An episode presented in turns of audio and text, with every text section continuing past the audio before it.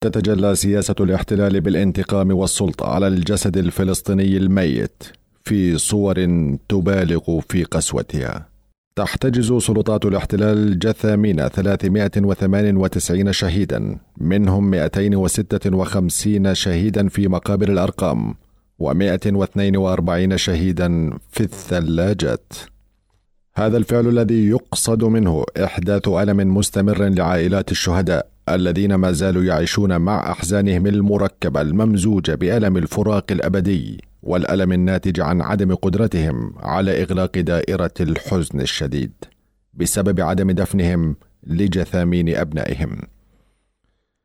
حيث أن إكرام الميت دفنه حفاظا على كرامته الإنسانية الأمر الذي يساهم في تهدئة أهل الفقيد الذين يعملون على اتخاذ كافة الإجراءات التي من شأنها تكريم المتوفي وفق ما تنص عليه الأديان والشرائع السماوية. لا سيما وأن احتجاز جثامين الشهداء جريمة مستنكرة من البشرية جمعاء ليس في العصر الحديث فقط بل في عصور ما قبل الميلاد منذ الحضارة اليونانية القديمة.